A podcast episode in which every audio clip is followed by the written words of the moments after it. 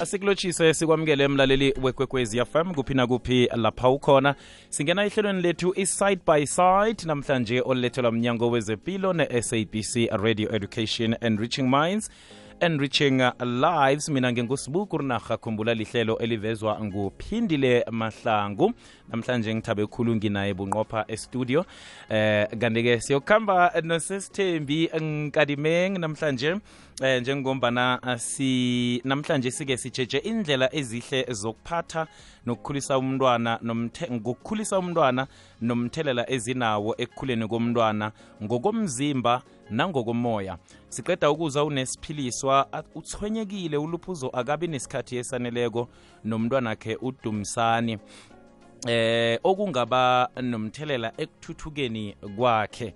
Kanti-ke sikhambisana nosesithembi nguye-ke ozosiphendulela imibuzo yethu namhlanje. Kanti namhlanje siphethe indaba ezimnandi khulu njengombana ngitsho ukuthi ngikhambisana nomvezi ukhona ngaphange studio. Mhlawumbe angazitshela ukuthi namhlanje siphethe imvezi yakwandi hello gur kunjani? Sivukile namhlanje siphathele umlaleli ipulse mm. elizoba khona ekupheleni kwehlelo lethu lapha kubo 5 to 10 umlaleli akalalele ngoba nangathuma imali engange 1000 1000 rand. Siyathokoza siyathokoza mvezi. Sesithembi siyakwamukela siyakulotshisa emhatshweni kwekwezi lotsha lotsha lotsha mhathi niyavuka sesithembi eminyakeni omutsha abantu bangarareki. Nyaka omutsha iye bangarareki bathi "Ah, umnyaka omutsha kade ungenile khona sithoma ukukhuluma emnyakeni lo sinawa ngitsho khona kukuthanda siyakwamukela sesithembi sithokoza ukuba nawe ngiyathokoza mhathi kwamambala sesithembi njengombana sizwileke eh ukungathabi nokungabi khona kukamma eh kungaba nomthelela emntwaneni akhe. Kuba yini kuqakathekile ukubana umma enze ubudlelwano obuhle nomntwana akhe um ngithanda ukukulotshisa ngilotshisa ngilotshise bonke abalaleli bekwekwezi f m emakhaya na- nanoma kuphi la ikwekwezi ifinyelela khona. Um umzali noma umama udlala irole ehle neqakathekile kakhulu ekuphilweni bomntwana kunale bond angazi ukuthi ibond ngesindebele sibizane but kune bond efanele ibe khona phakathi kombelethi noma umama womntwana eyenza umntwana ukuthi abe nokuzi- nokuzithemba kunabantwana uthi noma um- um- amncane ukhona umbona ukuthi i- i- une-low self esteem yingoba azange kube khona ubudle ya ubudlelwane ibond ubudlelwane. Zange kube khona ubudlelwane obuqinile phakathi kom- kukamama nomntwana. Lobudlelwane yibo bokuqala ebakha ukuthi umntwana abe umuntu okwazi ukuqhumana nabanye abantu kusasa khumbula umntwana namhlanje mncane lisana kodwa siyamkhulisa simkhulisele ukuthi ayoba umuntu emphakathini ezweni esi- esiphila kulo Iye. so umzali nguye owakha lobudlelwane the relationship the intimate relationship ngiyo ekwazi ukwenza i-security emntwaneni umntwana afile secure afike afile azile avikelekile ngokuthi umzali wakhe useduzane naye Eh. uyabuzwa lo- lo- lobudlelwane bukhona then lokho futhi kwenza ukuthi umntwana akwazi ukuri- uk- uk- uk- ukuxhumana kahle na- n- n- n- n- ne-surrounding yakhe ne? Khona abanye abantwana uthi na ungena alile alile alile u- u- u- bese sithi usaba abantu. Lo mntwana akasaba abantu akana i- i- aka- akafili secure nakabona abanye abantu. But kunezindlela umzali noma umama efanele azenze ukwenza lo mntwana ukuthi a akwazi ukurelate ne-environment yakhe ne- Eh. nendawo akuyo. So nakuvela abanye abantu ubabona as human beings akababoni njengento ezithusako abamthusi ni.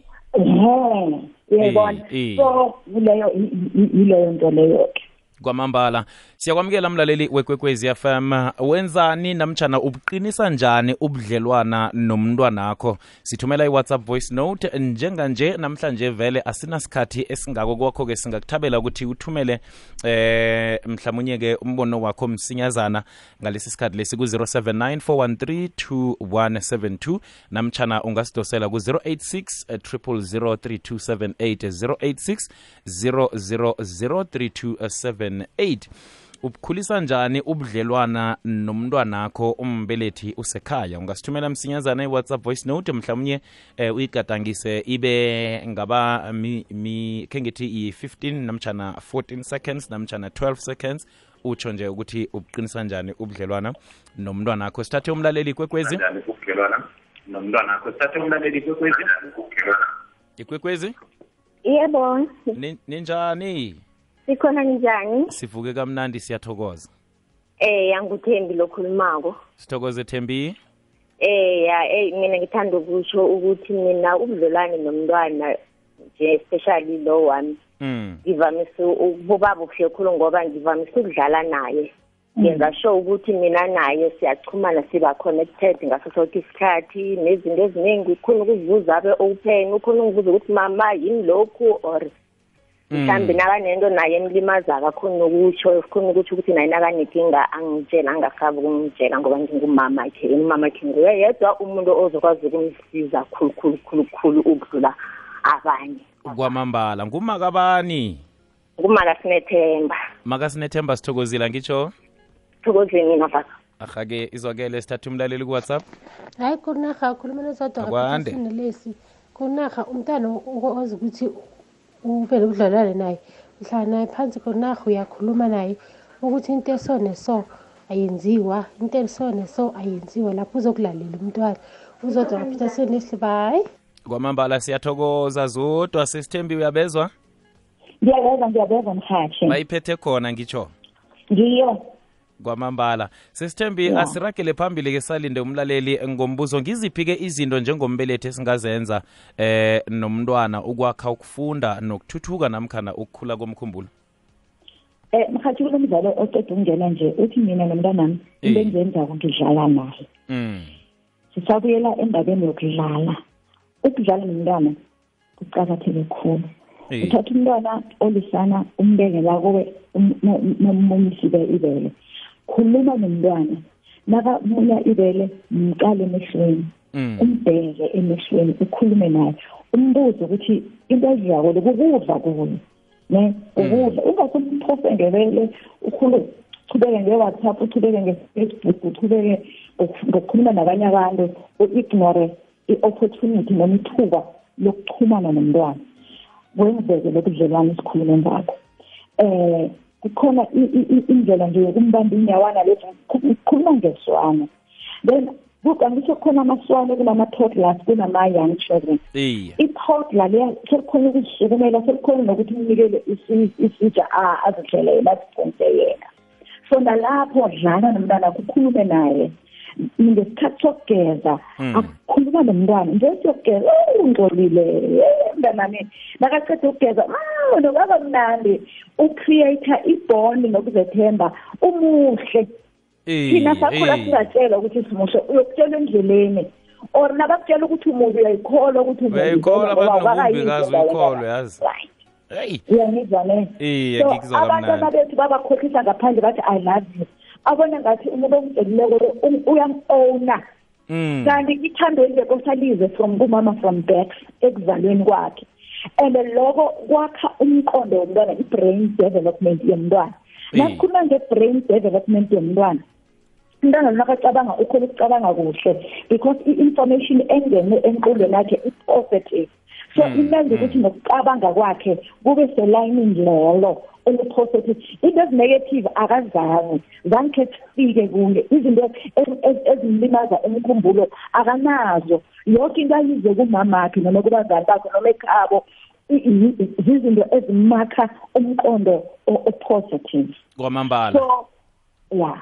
And Kwama- lokho kwenza umntwana ukuthi a- a- a- a- a- i-cognitive development i-cognitive development ubuhlakani ubu- ubuhlakani Eh. I-co- i-brain yakhe i-cognitive development yomntwana hawa nanyana aba-grade one bamangala uya-excela grade two grade three up to grade twelve Eh. because i-foundation yakhe njengomuntu nakasafika emhlabeni amntwana yakheke kuhle kumzali and nangikhuluma ngomzali asikhulume ngabazali bobabili. Eh. iba inkinga indaba ukuthi i-responsibility lesiyibeke phezu kwabama i-responsibility le i- i- i- iphezu kwakamma nobaba. Ubaba une- une- unendlela yakhe ayidlalako emntwaneni futhi nomama naye unendlela yakhe ayidlalayo emntwaneni. Fanele le ndlela zibe Kwamambala, equal, Sisithembi. so that umntwana azokhula ngokuphelele. Kwamambala sesithembi asiyibambe lapho ngiba ukuthi sisela amanzi sizokubuya siragele phambili angitsho? Siyathokoza mfanje izwakele sidlulisa intolo ungathomi uchite emlaleli. Rawubona kumnyama khulu kuzokuvela umkhanyo.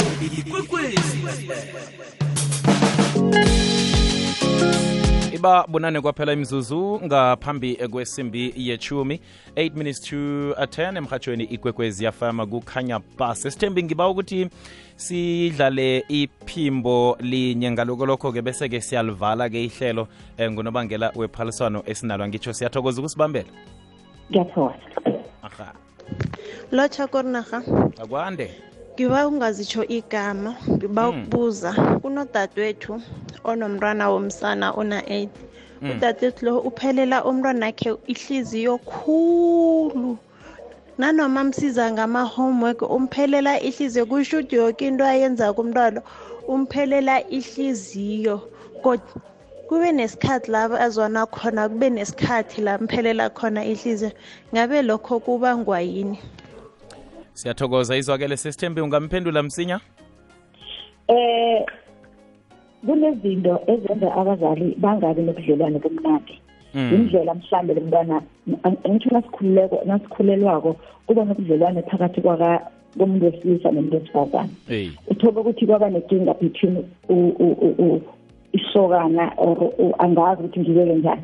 Then waba nale nto le ebuhlungu ehliziyweni yakhe then nakuhamba nakuhamba umntwana uyavela i-pregnancy akayijabuleli.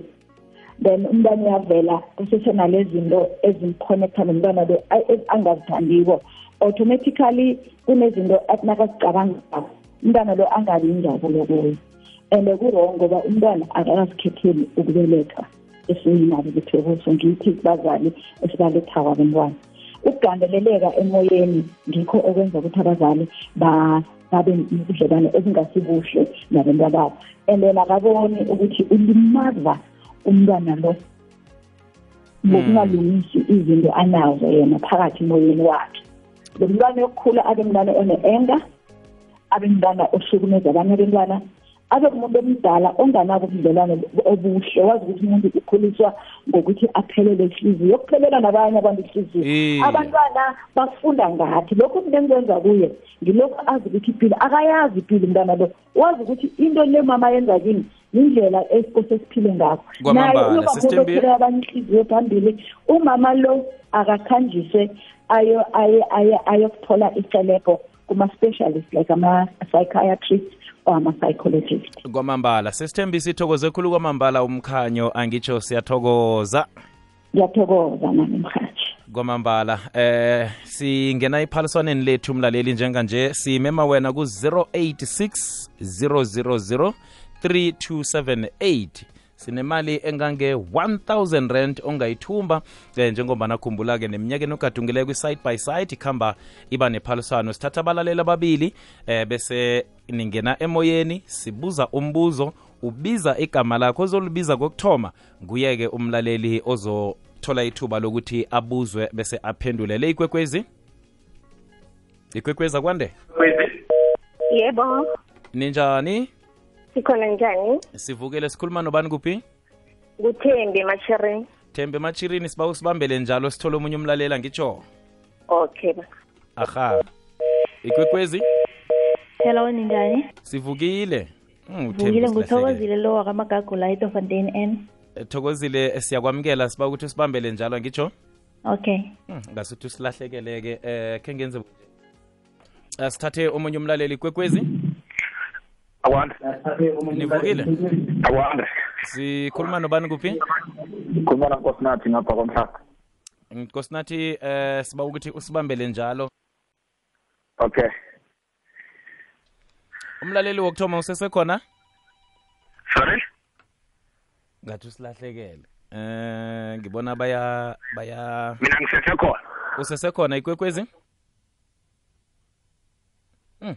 ya no balaleli bama bakhona ukuthi bahlale emoyeni bobabili lapha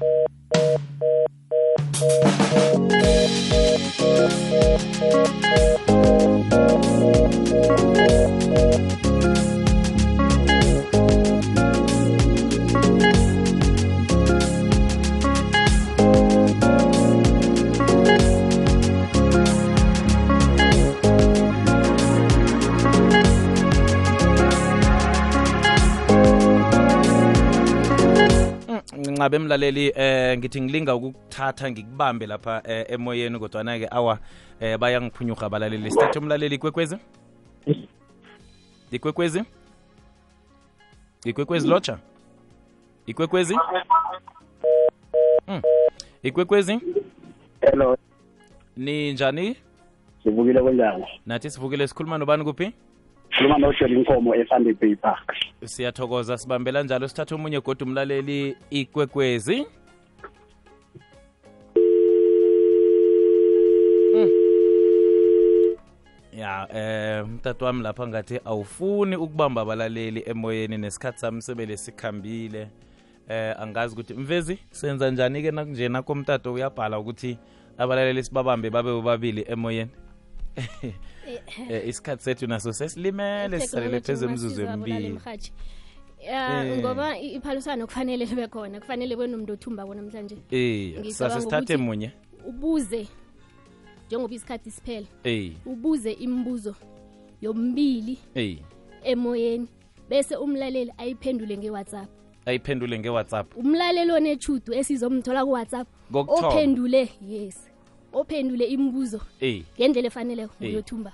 Kwamambala senze njalo. Mlaleli usithumela iwhatsapp imibuzo ngethi ngiziphi indlela ongasiza ngazo uma omutsha otshengisa amathwayo we-postnatal depression? Mbuzo wokuthoma ngiziphi indlela ongasiza ngazo uma omutsha otshengisa amathwayo we-postnatal depression? Umbuzo wesibili uthi ngiziphi indlela zokukhulisa umntwana eh, uma eh angabelana nazo nomntwana wakhe hmm? ngiziphi indlela zokukhulisa umntwana uma angabelana nazo nomntwanakhe? Ngiba ukuthi ngiphendule kuwhatsapp umlaleli. Umlaleli wokuthoma engizomdosa kuwhatsapp eh kuza kuba nguyeke eh ophendule kuhle mhlawumbe nayikhibe uphendule kuhle bese kuba nguye othumbako khe siboneke la. Uh, right khe ngibone la eh usatlola usatlola usatlola okay khe ngenze nganasindlela nangumlaleli nangumlaleli eh Mm. right eh ke sizwe nangumlaleli ma-r n awa lifahlile-ke ithi ma-r n b sizwe nangu thokozo -hmm. Mhm. eh indlela uma angabelana nazo umntwana right kumbandeni ukuthi abhonde naye ahlale naye ngokuthoma. Hmm. uthi kuthi abhonde naye ahlale naye ngokuthoma. Ngiyo mhathi ngiyo? Ngiyo siyakuthokozisa bese alivala ihlelo eh, umlaleli uthumbile sokuthola inomboro zakhe lapha kuwhatsapp. Silijamisa lapha ihlelo lethu siya endabeni zephasi khona lapha emhatshweni ikwekwezi fm ihlelweli ulilethelwe mnyango wezempilo ne-sabc education